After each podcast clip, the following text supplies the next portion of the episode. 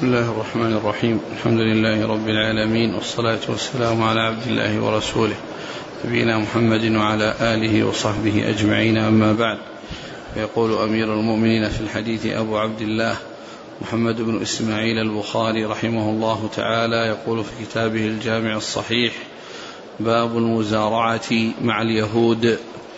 قال حدثنا ابن مقاتل قال أخبرنا عبد الله قال أخبرنا عبيد الله عن نافع عن ابن عمر رضي الله عنهما أن رسول الله صلى الله عليه وآله وسلم أعطى خيبر اليهود على أن يعملوها ويزرعوها ولهم شطر ما خرج منها.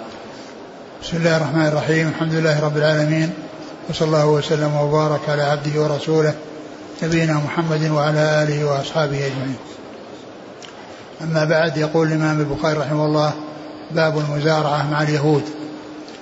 المقصود من هذه الترجمة أن المزارعة كما تكون مع المسلمين فإنه يجوز أن تكون مع أهل الكتاب الذميين الذين هم في بلاد الإسلام ولهم عقد ذمة. فيجوز يجوز التعامل معهم في المزارعة. يعني كما أن هذا يجوز في حق المسلمين فهو أيضا جائز في حق المستأمنين من أهل الذمة الذين يكونون عند الناس ويكونون في بلاد المسلمين في في ذمة فإنه يجوز التعامل معهم في المساقات والمزارعة. ثم ذكر حديث ابن عمر رضي الله تعالى عنهما الذي فيه أن النبي صلى الله عليه وسلم أعطى أرض خيبر لليهود على أن يعملوها بالشطر يعني مما يخرج منها يكون نصفه لليهود ونصفه للمسلمين. والمقصود من من الترجمة والحديث هو أنه كما يكون التعامل مع المسلمين بالمزارعة فإنه يجوز التعامل مع اليهود أو مع أهل الكتاب الذين يكونون مستأمنين.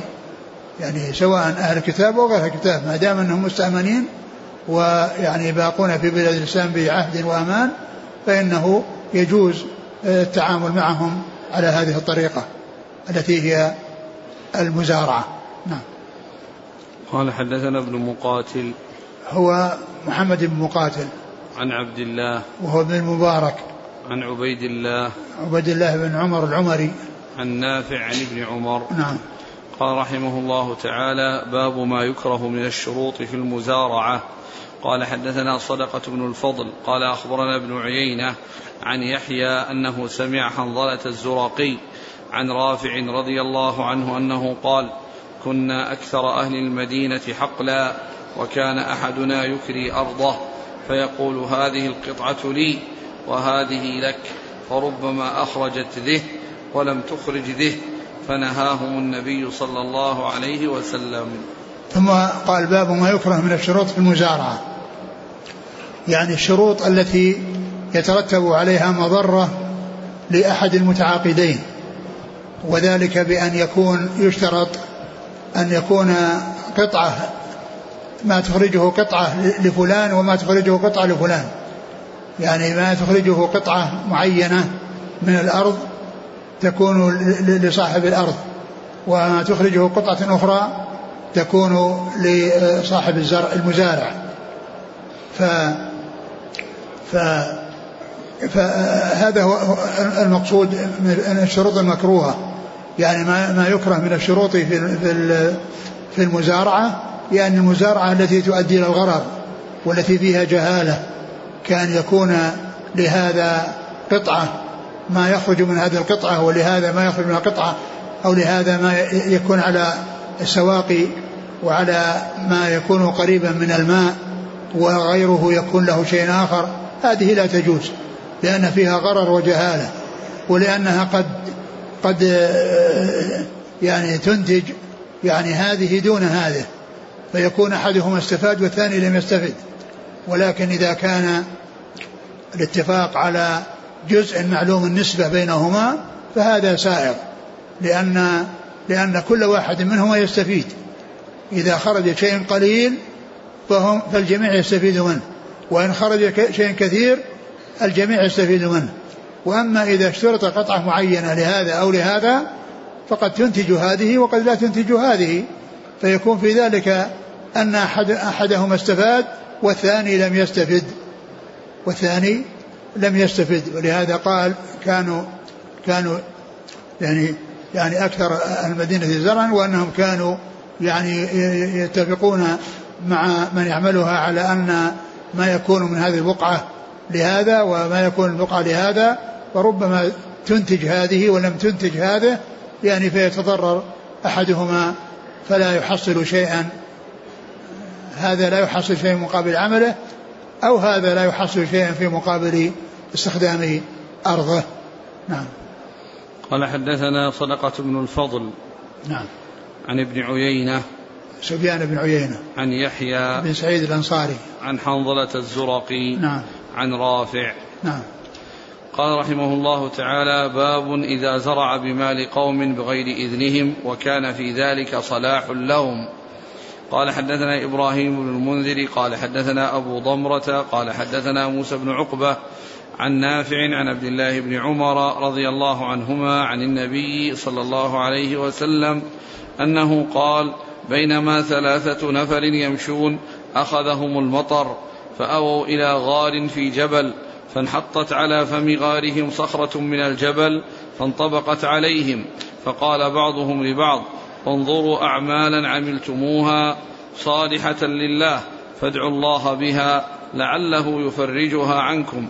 قال أحدهم اللهم إنه كان لي والدان شيخان كبيران ولي صبية صغار كنت أرعى عليهم فإذا رحت عليهم حلبت فبدأت بوالدي أسقيهما قبل بني وإني استأخرت ذات يوم فلم آت حتى أمسيت فوجدتهما ناما فحلبت كما كنت أحلب فقمت عند رؤوسهما أكره أن أوقظهما وأكره أن أسقي الصبية والصبية يتضاغون عند قدمي حتى طلع الفجر.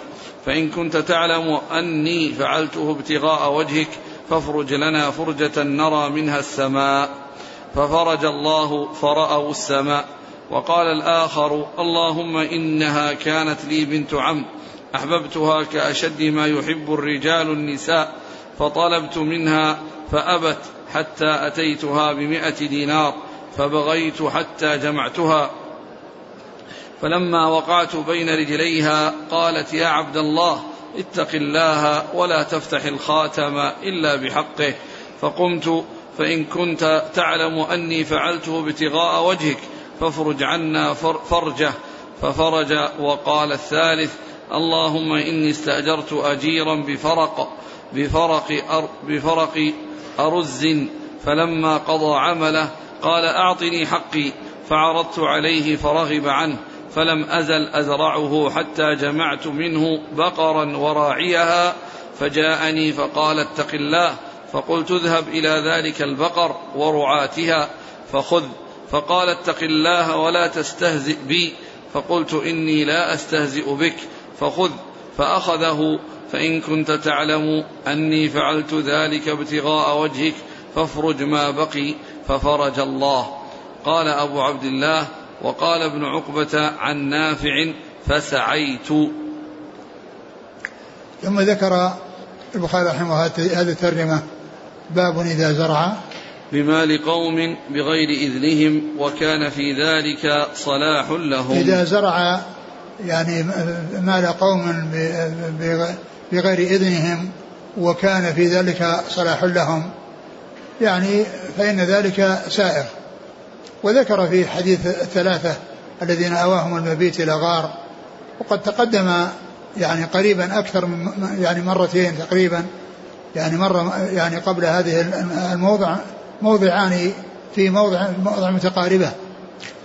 كلها يستدل البخاري رحمه الله على ما جاء في الجملة الأخيرة في الثالث الذي آه، آه، لم يأخذ حقه ثم إن صاحب الأرض المستأجر نمى له يعني هذا الحق الذي بقي عنده حتى صار يعني قطيعا من من من البقر ويعني ومعها راعيها ثم إنه جاء بعد مدة وطلب منه فقال هذا الذي تراه هو لك يعني البقر ورعاتها أو راعيها.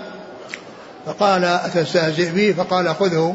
فأخذه ومشى وتوسل إلى الله عز وجل بهذا العمل الصالح أن يخلصهم مما هم فيه. وقد خلصهم الله بإزاحة الصخرة عن باب الغار الذي كانوا فيه وخرجوا وخرجوا يمشون. فأورده المصنف يعني فيما مضى يعني في موضعين قريبين. وأورد في البيوع وفي موضع آخر وأورده في هذا الموضع في المزارعة لأنه قال إنه زرع فيه وأنه قام بتنميته عن طريق الزراعة حتى صار أو ترتب عليه أو جاء منه شيء كثير من البقر وكذلك رعاتها وأنه إنما فعل ذلك أي تنمية هذا الحق لصاحبه و و يعني حفظه له ورعايته له وعنايته به لمصلحة غيره فإن فالله عز وجل آآ آآ لما توسل بهذا العمل الصالح أجاب الله دعاءه وكما أجاب دعاء صاحبيه حتى ذهبت الصخرة وانفرجت عن الباب وخرجوا وخرجوا يمشون. والمقصود الجملة الأخيرة التي قال فيها أنه زرع حتى صار له كذا وكذا فهو يدل على أن الإنسان إذا تصرف في مال غيره وأقره وكان لمصلحته فإن ذلك يعني سائغ وجائز. نعم. وفي قوله يعني بغيت لأن قال في الثاني الذي يعني آه، آه، أراد أو حاول ابنة عمه على أن يفعل بها الفاحشة وأنها لمت بها سنة من السنين وطلبت منه مئة دينار. ف, ف فسعى حتى حصلها. قال فبغيت يعني أي بغيت وطلبت يعني هذا المقدار وسعيت له. ثم ذكر المصنف طريقا أخرى في الآخر وفيها بدل بغيت سعيت. يعني سعيت حتى حصلت هذا المئة دينار الذي طلبته. يعني في الأول قال بغيت وفي الرواية الثانية التي أسند علقها وأضافها فيما بعد قال سعيت يعني سعيت لتحصيل هذا المبلغ وكذلك بغيت أي طلبت هذا المبلغ حتى حصلته وأعطاها إياه ولما جلس بين رجليها قالت اتق الله ولا تنفض الخاتم إلا بحقه فتركه من أجل الله عز وجل مع أنه كان قادر على الفعل الذي أراده. لأنه بين رجليها. نعم. قال حدثنا إبراهيم بن المنذر نعم. عن أبي ضمرة وهو أنس بن عياض. عن موسى بن عقبة عن نافع عن عبد الله بن عمر. نعم. قال أبو عبد الله وقال ابن عقبة. ابن عقبة هو إسماعيل بن إبراهيم بن عقبة. إسماعيل بن إبراهيم بن ابن عقبة. يعني آه، موسى بن عقبة عمه. نعم. عن نافع فسعيت. فسعيت يعني أن أنه يعني موافق له في يعني في الرواية السابقة إلا أن فيه بدل بغيت سعيت. بدل بغيت أي طلبت سعيت. يعني سعيت لتحصيل المئة الدينار. نعم. إذا تاجر شخص بمال تركه عنده صديقه أو أخوه وديعة فكسب من هذا المال. عند الأداء لصاحب المال هل يرد الوديعة فقط أم ما نتج عنها يرد معها؟ لا يرد يعني كل شيء. يرد كل شيء له لأنه يعني هذا نتاج ماله. ولم يتفق معه على أنه يضارب به وأن له كذا وله كذا وإنما تصرف في مال غيره فيكون يعني فائدته لصاحب المال. وهو بذلك متبرع وإذا تنازل له صاحب المال صاحب المال عن شيء فله أخذه. يقول ابتداء هذا الفعل ما حكمه؟ يعني شخص أودع وديعة وأنت تجرت فيها. لا ينبغ ليس الإنسان يفعل ذلك. ليس لأن الوديعة يعني عنده على أنها أمانة. وأما الاتجار يعني فهو ضامن. يعني معناه أنه يضمن لو كان أنه يعني يعني إذا اتجر به وهو غير وهو مؤتمن فإنه مفرط. لأنه لو خسرت فإنه يضمن.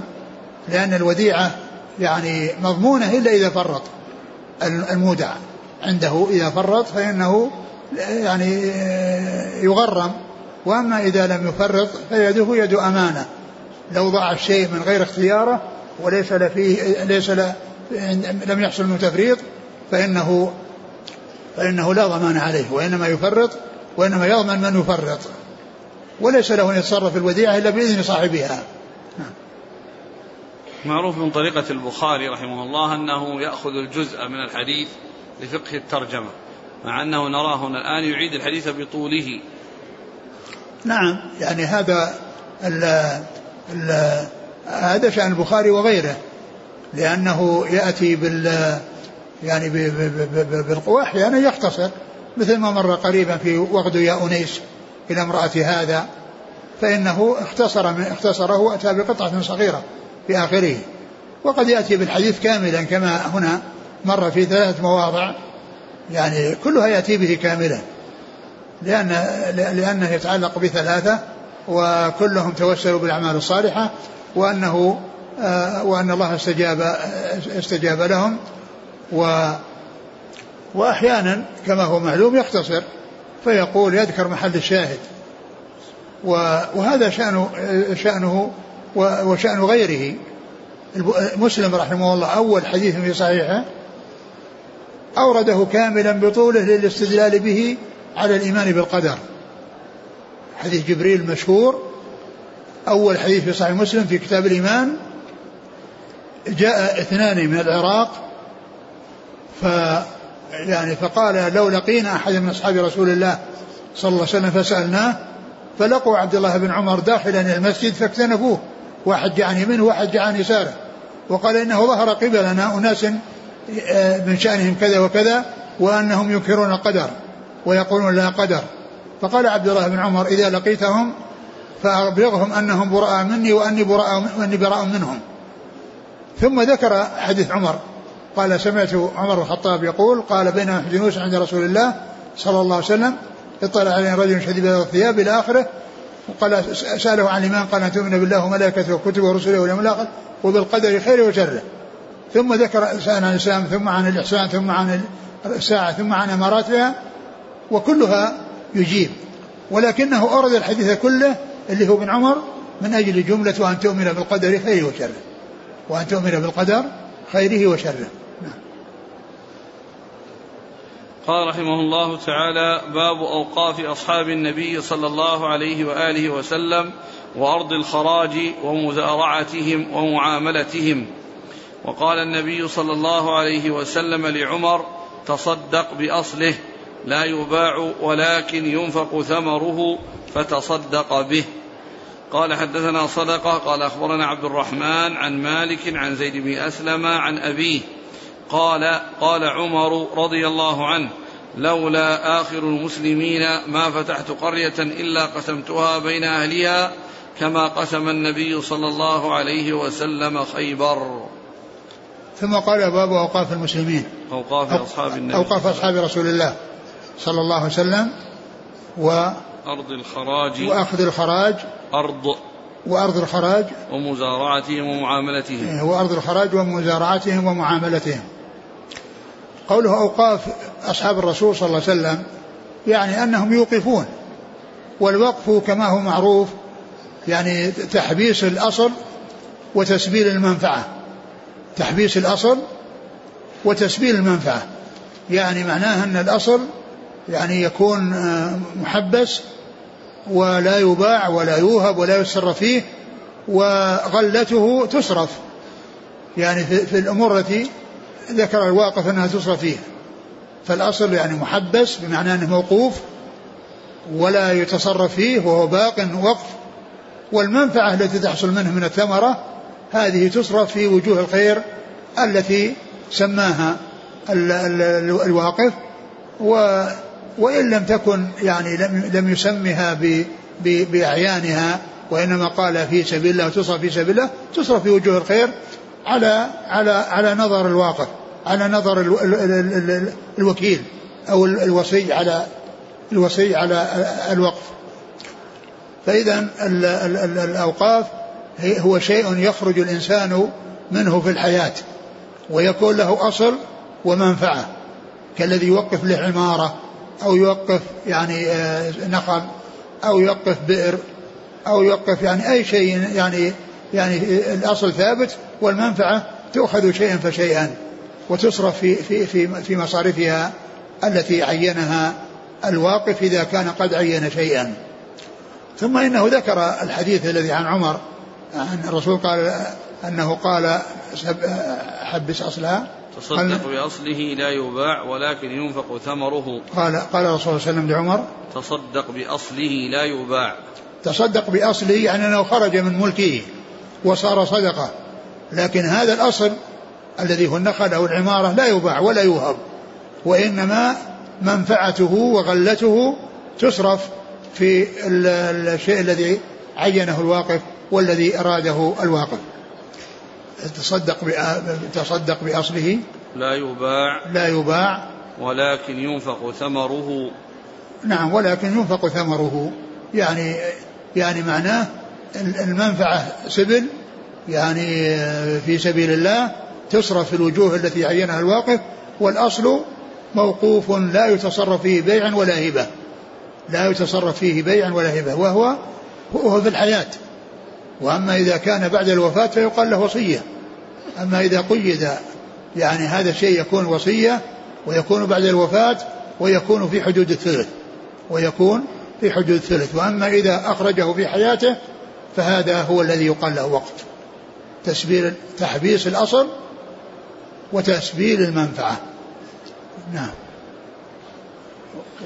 قال عمر لولا آخر المسلمين ما فتحت قرية إلا قسمتها بين أهلها كما قسم النبي صلى الله عليه وسلم خيبر. يريد عمر رضي الله عنه بهذا الكلام أنه يعني آه، بدل ما يقسم ال ال ال ال الأراضي التي يعني يغنمونها أو يعني يعني يفيئه الله عز وجل لهم آه، فأراد أن تبقى يستفيد منها المسلمون في هذا الوقت وبعد ذلك. لأن قول آخر المسلمين يعني إذا بقي شيئا يعني موقوفا وبقي شيئا يعني أصله ثابت لا يتصرف فيه ومنفعته تستغل فإن هذا يصل إلى إلى المتأخرين. المسلمين الذين لم يدركوا زمانه الذين لم يدركوا زمانه. يعني أنه يعني أبقى أو أنه يعني يريد أنه يبقي يعني ما يغنمونه من الأراضي ومن المزارع والبساتين أنها تكون وقفا يستفيد منها المسلمون في الزمن الحاضر وبعد ذلك. يعني الذين لم يأتوا بعد يعني يكون شيء موجود كلما جاءت الغلة فإنها تعطى للمسلمين الموجودين لولا آخر المسلمين ما فتحت قرية إلا قسمتها, قسمتها. بين أهلها. أي ولكنه لم يرى, لم يرى أن يقسم بل تبقى يعني وقفا يستفيد منه المسلمون في زمانه وبعد زمانه. نعم. كما قسم النبي صلى الله عليه وسلم خيبر. كما قسم النبي صلى الله عليه وسلم خيبر. معلوم أن خيبر يعني منها شيء يعني بقي وقد عاقد اليهود على أن يقوموا به ولهم النصف ويستفاد من من الغلة في كل سنة. وكان الرسول صلى الله عليه وسلم يعطي أهله يعني منه ثمانين وسقا مئة, مئة وسق كما كما سبق أن مر. فقال يعني كما قسم النبي صلى الله عليه وسلم ومعلوم أن أرض خيبر منها ما فتح عنه ومنها ما فتح صلحا. فيمكن أن يكون يعني الذي أراده أن الرسول صلى الله عليه وسلم يعني قسم شيئا ولم يقسم شيئا. وعمر رضي الله عنه يقول لولا آخر المسلمين لا قسمت. يعني كل يعني شيئا يحصله من الأراضي ومن الفيء ومن الغنائم بالنسبة للأراضي حتى يستفيد منها المسلمون في زمانه وبعد زمانه. لولا آخر المسلمين؟ لولا آخر المسلمين ما فتحت قرية إلا قسمتها بين أهلها كما قسم النبي صلى الله عليه وسلم خيبر. نعم. قال حدثنا صدقة ابن الفضل عن عبد عبد الرحمن بن مهدي. عن مالك عن زيد بن أسلم نعم. عن أبيه نعم. عن عمر. نعم. قال في الترجمة أوقاف أصحاب وسلم وأرض الخراج. وأرض الخراج يعني هذا المقصود الحديث يتعلق بأرض الخراج. لأنها لأنها يعني تبقى وتستعمل ويأتي خراجها ويستفيد منه الناس. وكما مر في حديث المزارعة في قصة خيبر في قصة مزارعة اليهود في أرض خيبر. يعني فإذا الحديث الأول الذي يتعلق ب يعني وقف عمر هو الذي يتعلق بأوقاف الصحابة. وأرض الخراج والمزارعة والمزارعة وأرض الخراج و ومزارعته ومزارعتهم ومعاملتهم. نعم. يعني الحديث الحديث الحديث الذي أسنده يعني يتعلق بآخر الترجمة. والحديث المعلق الذي أورده هنا يتعلق بأول الترجمة وهي أوقاف الصحابة. يقول قال أن لا أقسمها بل أجعلها وقفا على المسلمين وقد صنع ذلك عمر في أرض السواد نعم فإن عمر لما وقف السواد ضرب على من به من أهل الذمة الخراج نعم. فزارعهم وعاملهم نعم. فبهذا يظهر مراده من هذه الترجمة ودخولها في أبواب المزارعة نعم. قال ابن بطال معنى هذه الترجمة أن الصحابة كانوا يزارعون أوقاف النبي صلى الله عليه وسلم بعد وفاته على ما كان عامل عليه يهود خيبر نعم. عامل عليه يهود خيبر نعم. وروى البيهقي من وجه آخر عن ابن وهب عن مالك في هذه القصة سبب قول عمر هذا ولفظه لما فتح عمر الشام قام إليه بلال فقال لتقسمنها أو لنضاربن عليها بالسيف. فقال عمر فذكره. نعم قال ابن التين تأول عمر قول الله تعالى والذين جاءوا من بعدهم فرأى أن للآخرين أسوة بالأولين فخشي لو قسم ما يفتح أن تكمل أن تكمل أن تكمل الفتوح أو تكمل الفتوح فلا يبقى لمن يجيء بعد ذلك حظ في الخراج. فرأى أن توقف الأرض المفتوحة عنوة ويضرب عليها خراجا يدوم نفعه للمسلمين. وقد اختلف نظر العلماء في قسمة الأرض المفتوحة عنوة على قولين شهيرين. كذا قال وفي المسألة أقوال أشهرها ثلاثة فعن مالك تصير وقفا بنفس الفتح. وعن أبي حنيفة والثوري يتخير الإمام بين قسمتها ووقفيتها.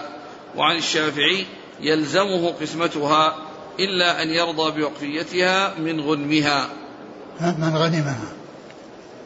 إلا أن يرضى بوقفيتها من غنمها. نعم الغانمين. والأظهر؟ اللي يظهر والله أعلم الأوسط هذا. يعني الذي إنه يرجع الإمام إذا كان مصلحة إنه يبقيها أبقاها وإن كان بالناس حاجة إليها يعني يعني فعل يعني ما ما يرى فيه المصلحة. الذي يظهر أن القول الأوسط هذا هو أولى.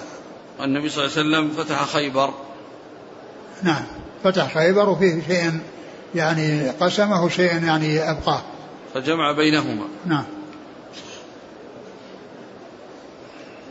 ولهذا جاء في سبقا مر بنا الذي ان ان أن الرسول صلى الله عليه وسلم يعني القصة الذي قال فيها أنه كان يعطيهن أوسق زوجات الرسول مئة وسق ثمانين من التمر وعشرين من من الشعير وأن عمر رضي الله تعالى عنه خير زوجات الرسول بين أن يعطيهن قطعة من الأرض أو يعطيهن الأوسق التي حددهن رسول الله صلى الله عليه وسلم.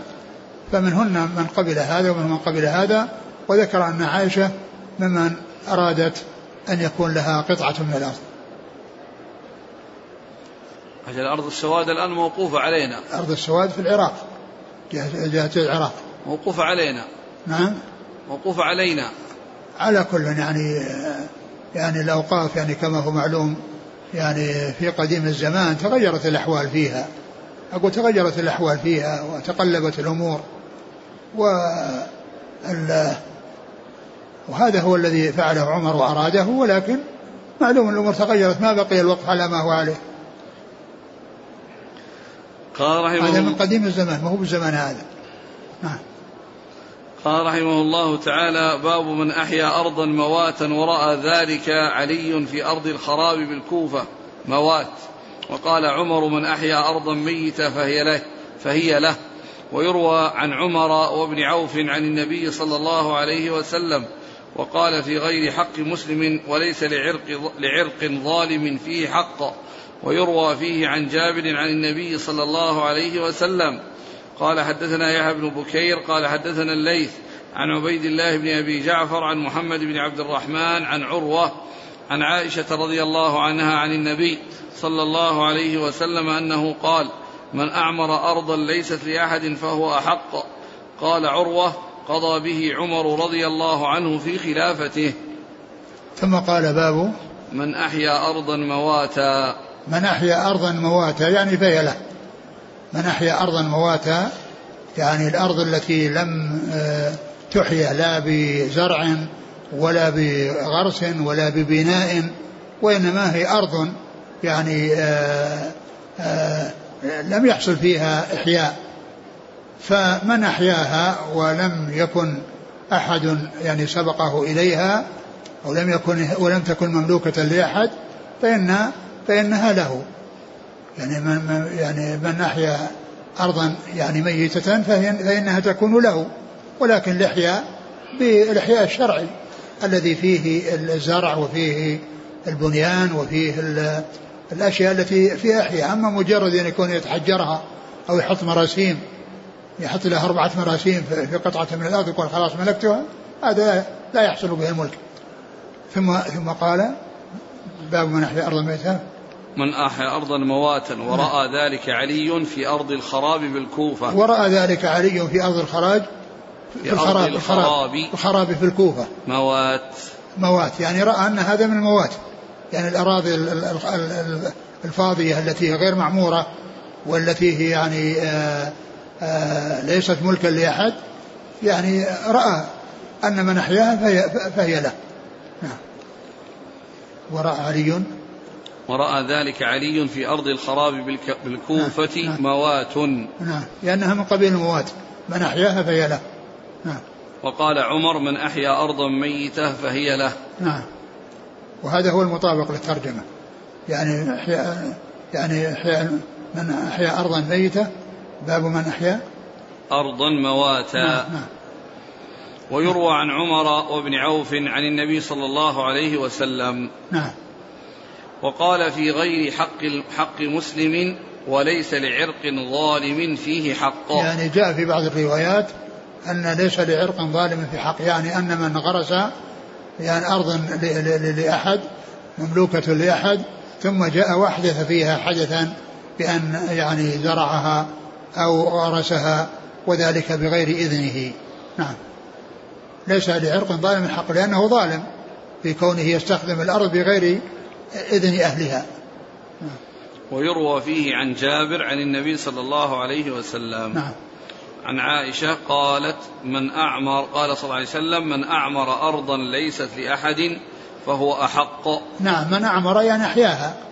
من أعمرها يعني أحياها وهي ليست لأحد فهو حق. أما إن كانت لأحد فإن ذلك الذي هي له هو صاحبها والأحق بها. قال عروة قضى به عمر رضي الله عنه في خلافته. نعم. قضى به يعني أن من أعمر شيئا وهو ليس مملكا لأحد فإنه أحق به يعني ذلك الذي أعمرها وأحياها. نعم. قال حدثنا يحيى بن بكير نعم. عن الليث بن سعد. عن عبيد الله بن أبي جعفر. نعم. عن محمد بن عبد الرحمن. هو أبو, أبو الأسود يتيم عروة. عن عروة عن عائشة. نعم. قال رحمه الله تعالى باب. قال حدثنا قتيبة قال حدثنا إسماعيل بن جعفر عن موسى بن عقبة عن سالم بن عبد الله عن سالم بن عبد الله بن عمر عن أبيه رضي الله عنه أن النبي صلى الله عليه وآله وسلم أري وهو في معرسه من ذي الحليفة في بطن الوادي فقيل له إنك ببطحاء مباركة. فقال موسى وقد أناخ بنا سالم بالمناخ الذي كان عبد الله ينيخ به يتحرى معرس رسول الله صلى الله عليه وسلم وهو أسفل من المسجد الذي ببطن الوادي بينه وبين الطريق وسط من ذلك. والحديث الثاني. قال حدثنا إسحاق بن إبراهيم قال أخبرنا شعيب بن إسحاق عن الأوزاعي قال حدثني يحيى عن عكرمة عن ابن عباس عن عمر رضي الله عنهم عن النبي صلى الله عليه وآله وسلم أنه قال الليلة أتاني آت من ربي وهو بالعقيق أن صل في هذا الوادي المبارك وقل عمرة في حجة. ثم ذكر هذه الترجمة وهي باب ذكر باب وبدون ترجمة. ومن المعلوم أن الأصل أن أنه إذا ذكر باب بدون ترجمة فهو بمثابة الفصل من الباب الذي قبله. يعني أن له تعلق بالذي قبله. وهو بمثابة الفصل من الباب. يعني لأن الباب يذكر ويكون تحت فصول. لأنها تصير أنواع. يعني اسم عام وهو الباب وتحته فروع هي الفصول التي هي أنواع من ذلك العام. فالأصل أن الباب إذا جاء بدون ترجمة وهو تابع وهو بعد باب قبله فإنه يكون بمثابة الفصل من ذلك الباب الذي قبله. ومن المعلوم الباب الذي قبله فيه إحياء. وأما هذا فليس فيه إحياء وإنما فيه ذكر أن الرسول صلى الله عليه وسلم عرس بهذا الموطن الذي هو ذو الحليفة في منصرفه ومجيئه من مكة وقبل وعند ذهابه إلى مكة. فإنه يحرم من ذو الحليفة وقد خرج من المدينة في حجة الوداع بعد أن صلى الظهر وصلى الظهر العصر والمغرب والعشاء والفجر والظهر. خمسة صلوات يصليها في ذي الحليفة وأحرم ودخل في الحج أو في العمرة والحج. يعني بعد ذلك عليه الصلاة والسلام. فإيرادها هنا من أجل أن ليس كل شيء يحيى يعني مثل هذه الأماكن التي الناس يعني بحاجة إليها ويحرمون منها وينزلون فيها للإحرام ليس لأحد أن يأتي ويبني يبني عمارات ويحرم الناس من أن يسكن أن ينزلوا في هذه. مثل في في مثل منى وعرفات ومزدلفة. يعني ما تبنى و و و و والناس يعني وهي أماكن مشاعة للناس. فإذا ذكر ذكر ما يتعلق بهذا الفصل له علاقة بالذي قبله من جهة أن أن الذي تقدم ما يمكن إحياءه وليس ليس ملكا لأحد قبله. وهناك أماكن هي عامة للناس ليس لأحد أن يتملكها. فإذا هذه المناسبة بين البابين ولم يجعل الأحاديث متصلة بالباب الذي قبله وإنما جعلها بابا بدون ترجمة حتى يعرف أن هذا بمثابة الفصل الذي له علاقة بالذي قبله الذي له علاقة بالباب الذي قبله. و وذكر الحافظ بن حجر يعني كلام للعلماء في هذا ثم ذكر خلاصته في الآخر فقال وحاصله أن الوادي المذكور وإن كان من جنس الموات لكن مكان التعريس منه مستثنى لكونه من الحقوق العامة. فلا يصح احتجاره لأحد ولو عمل فيه بشروط الإحياء ولا يختص ذلك بالبقعة التي نزل بها النبي ولو عمل فيه شروط الإحياء كونه يبني عمارة أو عمارات أو يعني يحفر بئر. ويعني يجعلها مزارع ويحرم الناس من هذا المكان الذي هو مشاع ومشترك بين الناس. نعم. ولا يختص ذلك بالبقعة التي نزل بها النبي صلى الله عليه وسلم بل كل ما وجد من ذلك فهو في معناه. نعم. قال حدثنا قتيبة عن إسماعيل بن جعفر نعم. عن موسى بن عقبة عن سالم بن عبد الله بن عمر عن أبيه. نعم. ثاني قال حدثنا إسحاق بن إبراهيم إسحاق بن إبراهيم الحنظلي أبو راهوية عن شعيب بن إسحاق نعم. الدمشقي عن الأوزاعي عبد الرحمن عبد الرحمن بن عمرو الأوزاعي. عن يحيى يحيى بن أبي كثير يحيى بن أبي كثير اليمامي. عن عكرمة عن ابن عباس عن عمر. نعم. قال رحمه الله تعالى باب إذا قال رب الأرض أقرك ما أقرك ما أقرك الله.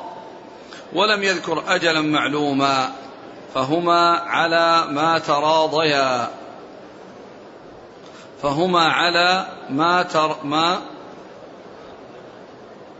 فهما على تراضيهما. نعم. قال حدثنا أحمد بن المقدام قال حدثنا فضيل بن سليمان قال حدثنا موسى قال أخبرنا نافع عن ابن عمر رضي الله عنهما قال كان رسول الله صلى الله عليه وسلم وقال عبد الرزاق أخبرنا ابن جريج قال حدثني موسى بن عقبة عن نافع عن ابن عمر أن عمر بن الخطاب رضي الله عنهما أجل اليهود والنصارى من أرض الحجاز. وكان رسول الله صلى الله عليه وسلم لما ظهر على خيبر أراد إخراج اليهود منها وكانت الأرض حين ظهر عليها لله ولرسوله صلى الله عليه وسلم وللمسلمين. وأراد إخراج اليهود منها فسألت اليهود رسول الله صلى الله عليه وسلم ليقرهم بها أن يكفوا عملها ولهم نصف الثمر. فقال له رسول الله صلى الله عليه وسلم نقركم بها على ذلك ما شئنا. فقروا بها حتى أجلاهم عمر إلى تيماء وأريحا. ثم ذكر هذه الترجمة وهي باب قولي إذا قال رب الأرض أقرك ما إذا قال رب الأرض أقرك ما أقرك الله. ولم يذكر أجلا معلوما. ولم يذكر أجلا معلوما فإنهم على على ما اتفق عليه. لكن آه كما سبق أن مر بنا أن المزارعة هي من العقود الجائزة التي لا يتعين فيها تحديد المدة كما هو بالنسبة للإجارة وإنما يعني يعمل فيها وكل سنة بحسبها وإذا انتهت السنة وانقضى ما يتعلق بالزرع وبالثمر فلكل واحد منهما الفسخ. فلصاحب الأرض أن يقول للذي آه، سوقي آه، يعني أخرج وانتهت المعاملة بيننا. ويمكن أيضا للعامل أن يقول بعد انتهاء السنة أنا لا أريد أن أستمر. فلكل منهما أن, أن, أن, أن يعني يخرج من المسؤولية في آه، لأن هذا عقد جائز ولا ولا يلزم فيه تعيين مدة مثل ما يكون بالإجارة لأن الإجارة لا بد فيها من تعيين الأجرة ولا بد فيها من تعيين المدة التي يعني يكون فيها الإجارة لأنها عقد لازم. آه، الحديث. قال حديث ابن عمر أن النبي صلى الله عليه وسلم أجل اليهود والنصارى من أرض الحجاز. نعم. وكان قد ظهر على خيبر وأراد إجلاء اليهود وكانت الأرض التي ظهر عليها لله ولرسوله الرسول صلى الله عليه وسلم لما فتح خيبر وهي من أرض الحجاز أراد أن يعني يخرجهم منها فعرضوا عليه أنهم يبقون ويقومون بخدمة النخل وإصلاحه ونصفه لهم ونصفه للرسول صلى الله عليه وسلم وكانوا أهل خبرة وأهل معرفة يعني في ذلك. ورأى أن مصلحة المسلمين أن يبقوا لأنهم أهل خبرة ومعرفة ويحصل الاستفادة من, من النصف الذي يكون للمسلمين يعني في هذه المعاملة مع اليهود. ف فلما قالوا نقر قال نقركم على ذلك ما شئنا أو نعم ما شاء الله. نقركم بها على ذلك ما شئنا. نقركم على ذلك ما شئنا. يعني هذا الاتفاق الذي بينكم بيننا وبينكم نقركم عليه إلى أن نرى أن يعني ننهي هذا الاتفاق. فيعني فبقوا على هذه الحالة وبقيوا في عهد أبي بكر ثم في عهد عمر وفي أثناء عمر عهد عهد عمر أجلاهم إلى إلى تيمة وأريحا. نعم. قال حدثنا أحمد بن المقدام نعم. عن فضيل بن سليمان نعم. عن موسى بن عقبة. عن نافع عن ابن عمر. نعم. وقال عبد الرزاق بن همام. أخبرنا ابن جريج. عبد الملك بن عبد العزيز بن جريج. عن موسى بن عقبة عن نافع عن ابن عمر عن عمر. نعم. فعل عمر رضي الله عنه بالإجلاء إلى تيمة وأريحة. هل في ذلك أن التيمة خارج الجزيرة؟ لا كأنها يعني آه، أنها بعيدة عن عن عن أرض الحجاز. بعيدة عن أرض الحجاز فأجلاهم إلى إلى ذلك المكان. قال رحمه الله تعالى باب ما كان من أصحاب النبي صلى الله عليه وآله وسلم يواسي بعضهم بعضا في الزراعة والثمرة. قال حدثنا محمد بن مقاتل قال أخبرنا عبد الله قال أخبرنا الأوزاعي عن أبي النجاشي مولى رافع بن خديج قال سمعت رافع بن خديج بن رافع رضي الله عنه عن عمه ظهير بن رافع رضي الله عنه قال ظهير لقد نهانا رسول الله صلى الله عليه وآله وسلم عن أمر كان بنا رافقا. قلت ما قال رسول الله صلى الله عليه وآله وسلم فهو حق. قال دعاني رسول الله صلى الله عليه وآله وسلم. قال ما تصنعون بمحاقلكم؟ قلت نؤاجرها على الربع وعلى الأوسق من التمر والشعير. قال لا تفعلوا ازرعوها أو أزرعوها أو أمسكوها. قال رافع قلت سمعا وطاعة. ثم ذكر باب باب ما كان من أصحاب النبي صلى الله عليه وسلم يواسي بعضهم بعضا في الزراعة والثمرة. ما كان من أصحاب الرسول ما كان من أصحاب الرسول أنهم كان يواسي بعضهم بعضا في الزراعة في الزراعة والثمرة. يعني في الزراعة يعني في الأراضي الزراعية وفي الثمرة. في الشجر الذي له ثمر كالنخل وغيره. فكان يعني يواسي بعضهم بعضا بمعنى أن أنهم يحسنون إلى غيرهم ممن ليس له مزارع ويعطونه الأرض بأن يعني يزرعها ويعني ويكون غلتها له وثمرتها له في مقابل زرعه. وهذا من الإرفاق والإحسان. وجاء في بعضها كما سبق أن تقدم أنهم لما جاء المهاجرون أرادوا أن أن يتنازلوا عن بعض آه، أملاكهم لهم وعرضوا ذلك على الرسول صلى الله عليه وسلم فلم يوافق. ثم إنهم عرضوا عليهم أن يكونهم المؤونة ويشركونهم في الثمرة. يعني معناه أنهم يجدون لهم العمل في هذه المزارع ويأخذون في مقابل عملهم. فيكون هذا الذي حصل إنما هو في مقابل عمل. إنما هو في مقابل عمل. وفي هذا هذه الأحاديث فيها أن الرسول صلى الله عليه وسلم أرشدهم إلى أن يزرعوها بأنفسهم أو يمنحوها لغيرهم لأن يعني يستغلها ويستعملها. يستغلها يعني هذه الأرض ويستعملها. فيعني ف, ف فذكر في هذا الحديث الذي معنا حديث حديث ظهير ظهير بن نعم رافع. ظهير بن رافع عم عم رافع بن خديج. نعم. قال؟ نهانا الرسول صلى الله عليه وسلم عن أمر كان بنا رافقا. قلت ما قال صلى الله عليه وسلم؟ فهو حق. يعني نهاهم نهاهم صلى الله عليه وسلم عن شيء كانوا يتعاملونه ولكنه يعني فيه محذور وفيه غرر وهو أنهم كانوا يعني يكرون الأرض بشيء معين منها فيكون في ذلك غرر. لأنه قد ما ينتج إلا هذا الذي حدد للعامل أو للمالك. وإنما الشيء الذي فيه سلامة وفيه آآ آه، آآ آه، مصلحة هو أن يكون بشيء معلوم النسبة. فكان كانوا يستعملون أراضيهم وكان منها ما هو غير جائز ومنع منه الرسول صلى الله عليه وسلم ومنها ما هو جائز ولكن عدم الأخذ به والمساعدة والإحسان يعني للمحتاجين بأن يمكنوا من الزراعة ويكون لهم يعني يعني ما يحصلونه ما يحصلونه من ثمرها ومن زرعها. ف فقال ما قال فقال رافع ما قال صلى فهو حق. ما قال الرسول صلى الله عليه وسلم فهو حق يعني أنه لا يرشدهم إلا لما يعود عليهم بالخير في الدنيا والآخرة أو في الآخرة فقط إذا لم يعني يحصل شيئا من الدنيا. قال نهانا صلى الله عليه وسلم عن أمر كان بنا رافقا. قلت ما قال صلى الله عليه وسلم فهو حق. نعم. دعاني صلى الله عليه وسلم فقال ما تصنعون بمحاقلكم نعم. قلت نؤاجرها على الربع وعلى الأوسق ومن التمر على والشعير. على الربع هنا قال على الربع وفي بعض النسخ الربيع. يعني الجدول الذي يمشي معه الماء فإنه الشجرة والنبات الذي حوله فإنه يستفيد من الماء. في بعض النسخ الربيع ويكون مطابق للشيء الذي بعده. على على الربيع على الربع وإيش؟ وعلى الأوسق. وعلى الأوسق.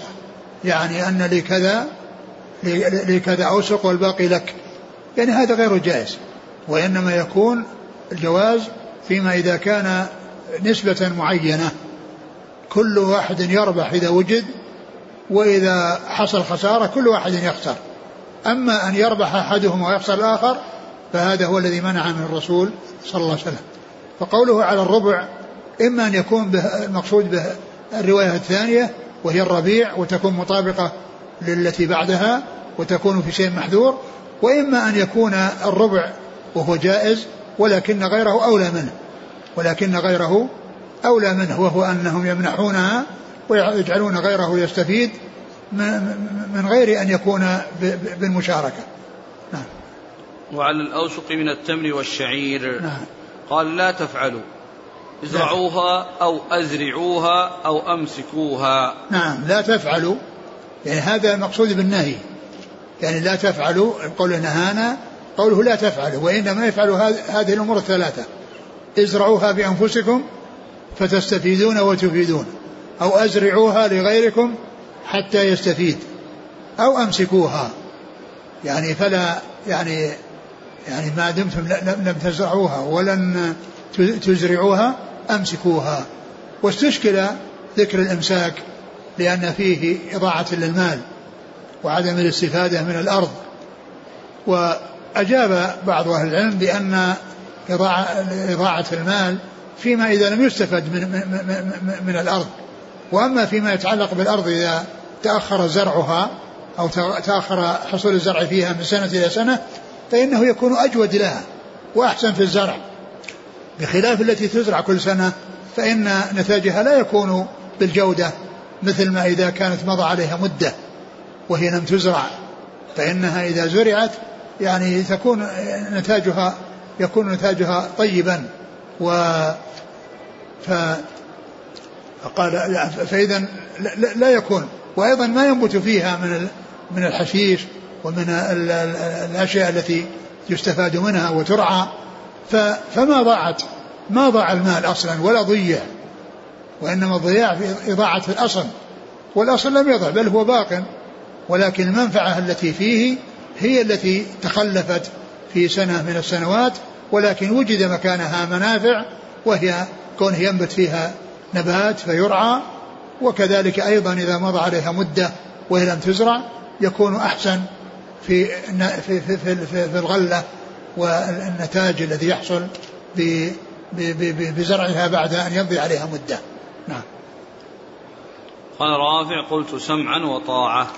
يعني سمعا وطاعة لما قاله رسول الله صلى الله عليه وسلم. يعني معناه أنهم يزرعونها أو يزرعونها. قال حدثنا محمد بن مقاتل عن عبد الله عن الأوزاعي عن أبي النجاشي مولى رافع بن خديج اسمه عطاء بن صهيب قال حدثنا محمد بن مقاتل نعم. عن عبد الله بن المبارك عن عن الأوزاعي نعم. عن أبي النجاشي وهو عطاء بن صهيب مولى رافع بن خديج نعم. عن رافع بن خديج بن رافع عن عمه ظهير بن رافع نعم. قال حدثنا عبيد الله بن موسى قال أخبرنا الأوزاعي عن عطاء عن جابر رضي الله عنه أنه قال كانوا يزرعونها بالثلث والربع والنصف. فقال النبي صلى الله عليه وسلم من كانت له أرض فليزرعها أو ليمنحها فإن لم يفعل فليمسك أرضه. وهذا حديث جابر مثل الذي قبله ولكن فيه أنه كان يعني يعني يتفقون معهم على الربع والثلث والنصف. النصف. نعم. وأن النبي صلى الله عليه وسلم قال من كان له أرض فليزرعها أو ليمنحها أخاه أو ليمسكها. وهو مثل الذي قبله. نعم. قال حدثنا عبيد الله بن موسى نعم. عن الأوزاعي عن عطاء عطاء بن أبي رباح. عن جابر. نعم. وقال يعني النساء يعني الأوزاعي روى هذا الحديث عن عطاء بن أبي- رباح. والحديث اللي قبله رواه عن عط- عطاء بن بن صهيب. الذي هو أبو النجاشي وكل منهما يقال له عطاء. نعم. وقال الربيع بن نا- بن نافع أبو توبة حدثنا معاوية عن يحيى عن أبي سلمة عن أبي هريرة رضي الله عنه أنه قال قال رسول الله صلى الله عليه وسلم من كانت له أرض فليزرعها أو ليمنح ليمنحها أخاه فإن أبى فليمسك أرضه. وهذا حديث أبي هريرة نعم. مثل الذي مثل الذي قبله مثل الحديثين اللي قبله. يعني فيه الإرشاد إلى الزرع أو الإزراع أو الإمساك. إذا لم يفعل هذا ولا هذا. قال حدثنا وما جاء فيه من ذكر أن الثلث والربع هذا جائز شرعا كما جاء في قصة خيبر ولكن غيره أولى منه. يعني كونه يعطيه بالمجان ويعينه ويساعده يعني أولى من كونه يساق يزارعه ويكون له الثلث أو الربع نعم. قال وقال الربيع بن نافع أبو توبة. الحلبي نعم. معلق. نعم. مع أنه شيخه. نعم.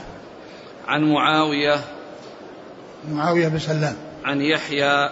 بن أبي كثير. عن أبي سلمة عن أبي هريرة. أبو سلمة بن عبد الرحمن بن عوف.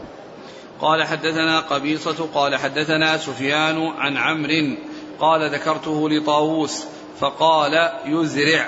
قال ابن عباس رضي الله عنهما إن النبي صلى الله عليه وسلم لم ينه عنه ولكن قال أن يمنح أحدكم أخاه خير له من أن يأخذ شيئا معلوما. وهذا حديث ابن عباس يبين أن أن أن النهي ليس للتحريم وإنما كان للإرفاق والإحسان وأن له أن يزرع ولهذا قال لم ينهى عنه الرسول وإنما أراد وإنما أراد قال في الحديث لم ينهى عنه ولكن قال أن يمنح أحدكم أخاه خير له من أن يأخذ شيئا معلوما. نعم أن يمنح أحدكم أخاه خير له من أن يأخذ شيئا معلوما. يعني كونه يعمل هذا العمل الذي فيه إرفاق وفيه إحسان لا شك أنه أولى من كونه يزارعه ويأخذ عليه شيئا معلوما. قال حدثنا قبيصة ابن عقبة. عن سفيان ثوري. ابن عيينة. ثوري. ها؟ قبيصة كوفي. يروي كوفي. عن سفيان الثوري. الكوفي الثوري. نعم. عن عمرو. عمرو بن دينار. عن ابن عباس. نعم. قال حدثنا سليمان بن حرب قال حدثنا حماد عن أيوب عن نافع أن ابن عمر رضي الله عنهما كان يكري مزارعه على عهد النبي صلى الله عليه وسلم. أن ابن عمر رضي الله عنهما كان يكري مزارعه على عهد النبي صلى الله عليه وسلم وأبي بكر وعمر وعثمان وصدرا من إمارة معاوية.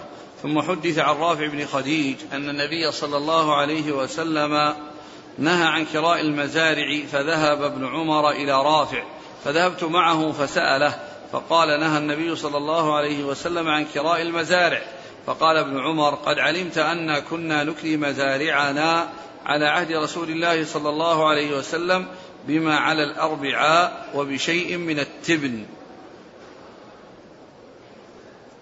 ثم ذكر الترجمة. لا زالت نفسها. ها؟ الأولى نعم الترجمة الأولى ما كان أصحابه صلى الله عليه وسلم يواسي بعضهم يواسي بعضهم بعضا. ذكر حديث عبد الله بن عمر رضي الله تعالى عنهما أنه كان يكري مزارعه في عهد رسول الله صلى الله عليه وسلم وعهد أبي بكر وعمر وعثمان وصدرا من خلافة معاوية. وقد جاء في بعض الروايات أنه في آخر عهد معاوية. يعني فيكون يعني زمن علي وما بعده من زمن معاوية ما كان يكريها وقد قيل يعني في السبب في ذلك فيما يتعلق في زمن علي وزمن أول زمن معاوية أن المقصود من ذلك أنه ما كان يعني يحصل منه إكراؤها. يعني ليس من أجل آه، الوالي وإنما من أجل أنه ما حصل منه الإكراء في ذاك الوقت. يعني ترك آه، يعني لم يحصل منه الإكراء كان يكريها في زمن فلان وفلان وبعد ذلك ما كان يكريها. وبعد ذلك ما كان يكريها. وأكراها في صدر من خلافة معاوية رضي الله تعالى عنه. وكان آه، من من الأسباب التي يعني جعلته جعلته يتوقف في الشيء الذي كان يفعله عليه رضي الله عنه في زمن آه، زمن الرسول صلى الله عليه وسلم والخلفاء الثلاثة بعده آه، أن أن أنه كان يعني آه، آه، لا يرى بذلك بأسا ولكنه لما سمع الذي عند رافع بن خديج يعني وذهب إليه وسأله وقال إيش قال؟ رافع بن خديج ذهبت معه فسأل فقال نهى النبي صلى الله عليه وسلم عن كراء المزارع فقال ابن عمر قد نهى علمت. عن كراء المزارع. نهى عن كراء المزارع. قال قد علمت أنهم كانوا يعني يكرون على على على الم... كنا نكري مزارعنا بمع الاربعاء بمع الأرض. يعني هذا الذي هذا اللي منع من الرسول صلى الله عليه وسلم. مع الاربعاء الذي هو الربيع. يعني النهر الذي يجري والزرع يكون يعني يسقى منه على حافته. فكانوا يكرون على ذلك وهذا هو الذي منع منه. وأما الشيء الذي لم يكن فيه جهالة فإنه لم يمنع منه. بل الرسول صلى الله عليه وسلم اتفق مع اليهود في خيبر وكذلك أبو بكر وعمر كلهم كان في زمانهم أنهم كانوا يعملون هذه المعاملة في حياته وبعد وفاته صلى الله عليه وسلم. يعني معناها أنها سنة عمل بها الخلفاء الراشدون من بعده. عمل بها أبو بكر وعمل بها عمر. في, في, في, في, في صدر من خلافته ثم بعد ذلك أجلاهم. ثم أجلاهم يعني عن, عن عمر رضي الله عن خيبر. فإذا الذي كان يعني نهى عنه الرسول صلى الله عليه وسلم والذي أخبر بأنهم كانوا يعني موجود ونهاهم إنما هو من هذا القبيل. أما الشيء الذي هو إكراء فقد استمر قصة خيبر في في عهده صلى الله عليه وسلم وفي عهد أبي بكر وعهد عمر رضي الله تعالى عنهما. فإذا ليس هناك مانع ولكنه جاء في بعض الأحاديث الكثيرة عند عند البخاري وعند مسلم وكثيرها عند مسلم أنهم كانوا ينهون عن عن عن الزراعة وأنهم يعني يمنحوها أو يؤاجروها وهذا إشارة إلى الأفضل وإلى الأولى. وإلا فإن الرسول صلى الله عليه وسلم عاملها على خيبر و ومعاملته هي الحجة والقدوة لأنها بقيت بعد وفاته وعمل بها الخلفاء الراشدون من بعده. نعم. قال وبشيء من التبن. تبن يعني الذي هو يعني الذي يحصل من الحصاد إذا ديس ثم ظهر التبن. نعم. كانوا يعاملونهم يأخذون هذه نعم الأجرة؟ يعطونهم. يعطونهم يعني من, من بشيء من الثمن شيء معين. يعني شيء معين. وهو شيء معين يعني لا يجوز التعامل به وإنما التعامل يكون بالنسبة المعلومة. ثلث وثلثين ربع وثلاث أرباع نصف ونصف. نعم. قال حدثنا سليمان بن حرب عن حماد عن عن عن أيوب عن حماد بن زيد. نعم. عن أيوب عن نافع. نعم. عن ابن عمر. نعم. عن رافع بن خديج. نعم. قال حدثنا يحيى بن بكير قال حدثنا الليث عن عقيل عن ابن شهاب. قال أخبرني سالم أن عبد الله بن عمر رضي الله عنهما قال كنت أعلم في عهد رسول الله صلى الله عليه وسلم أن الأرض تكرى ثم خشي عبد الله أن يكون النبي صلى الله عليه وسلم قد أحدث في ذلك شيئا لم يكن يعلمه فترك كراء الأرض. وهذا يوضح أيضا أن كونه يكري وأن في زمن أبي بكر وعمر وعثمان كان يكري وأنه بعد ذلك كره كراء الأرض. يعني فلم يكرها فيعني في زمن علي وفي عهد معاوية. هذا يعني يفيد يعني يفيد بأن بأن ابن عمر إنما توقف لشيء لأنه خشي, خشي أن يكون آه، حدث فيه شيء عن رسول الله صلى الله عليه وسلم لا يعلمه. نعم. قال حدثنا يحيى بن بكير عن الليث نعم. عن عقيل عقيل بن خالد بن عقيل. عن ابن شهاب نعم. عن سالم عن عبد الله بن عمر. نعم. باب كراء الأرض بالذهب والفضة. نعم. قال رحمه الله تعالى باب كراء الأرض بالذهب والفضة. وقال ابن عباس إن أمثل ما أنتم صانعون أن تستأجروا الأرض البيضاء من السنة إلى السنة. نعم. قال حدثنا عمرو بن خالد قد قال حدثنا الليث عن ربيعة بن أبي عبد الرحمن عن حنظلة بن قيس عن رافع بن خديج قال حدثني عمايا أنهم كانوا يكرون الأرض على عهد النبي صلى الله عليه وسلم بما ينبت على الأربعاء أو شيء يستثنيه صاحب الأرض. فنهى النبي صلى الله عليه وسلم عن ذلك فقلت لرافع فكيف هي بالدينار والدرهم؟ فقال رافع ليس بها بأس بالدينار والدرهم. وقال الليث وكان الذي نهي عن ذلك ما لو نظر فيه ذو الفهم بالحلال والحرام لم يجيزوه لما فيه من المخاطرة. ثم ذكر هذا الحديث. باب باب ترجمة باب تأجير. كراء الأرض كراء بالذهب والفضة. يعني أن ذلك سائغ وجائز.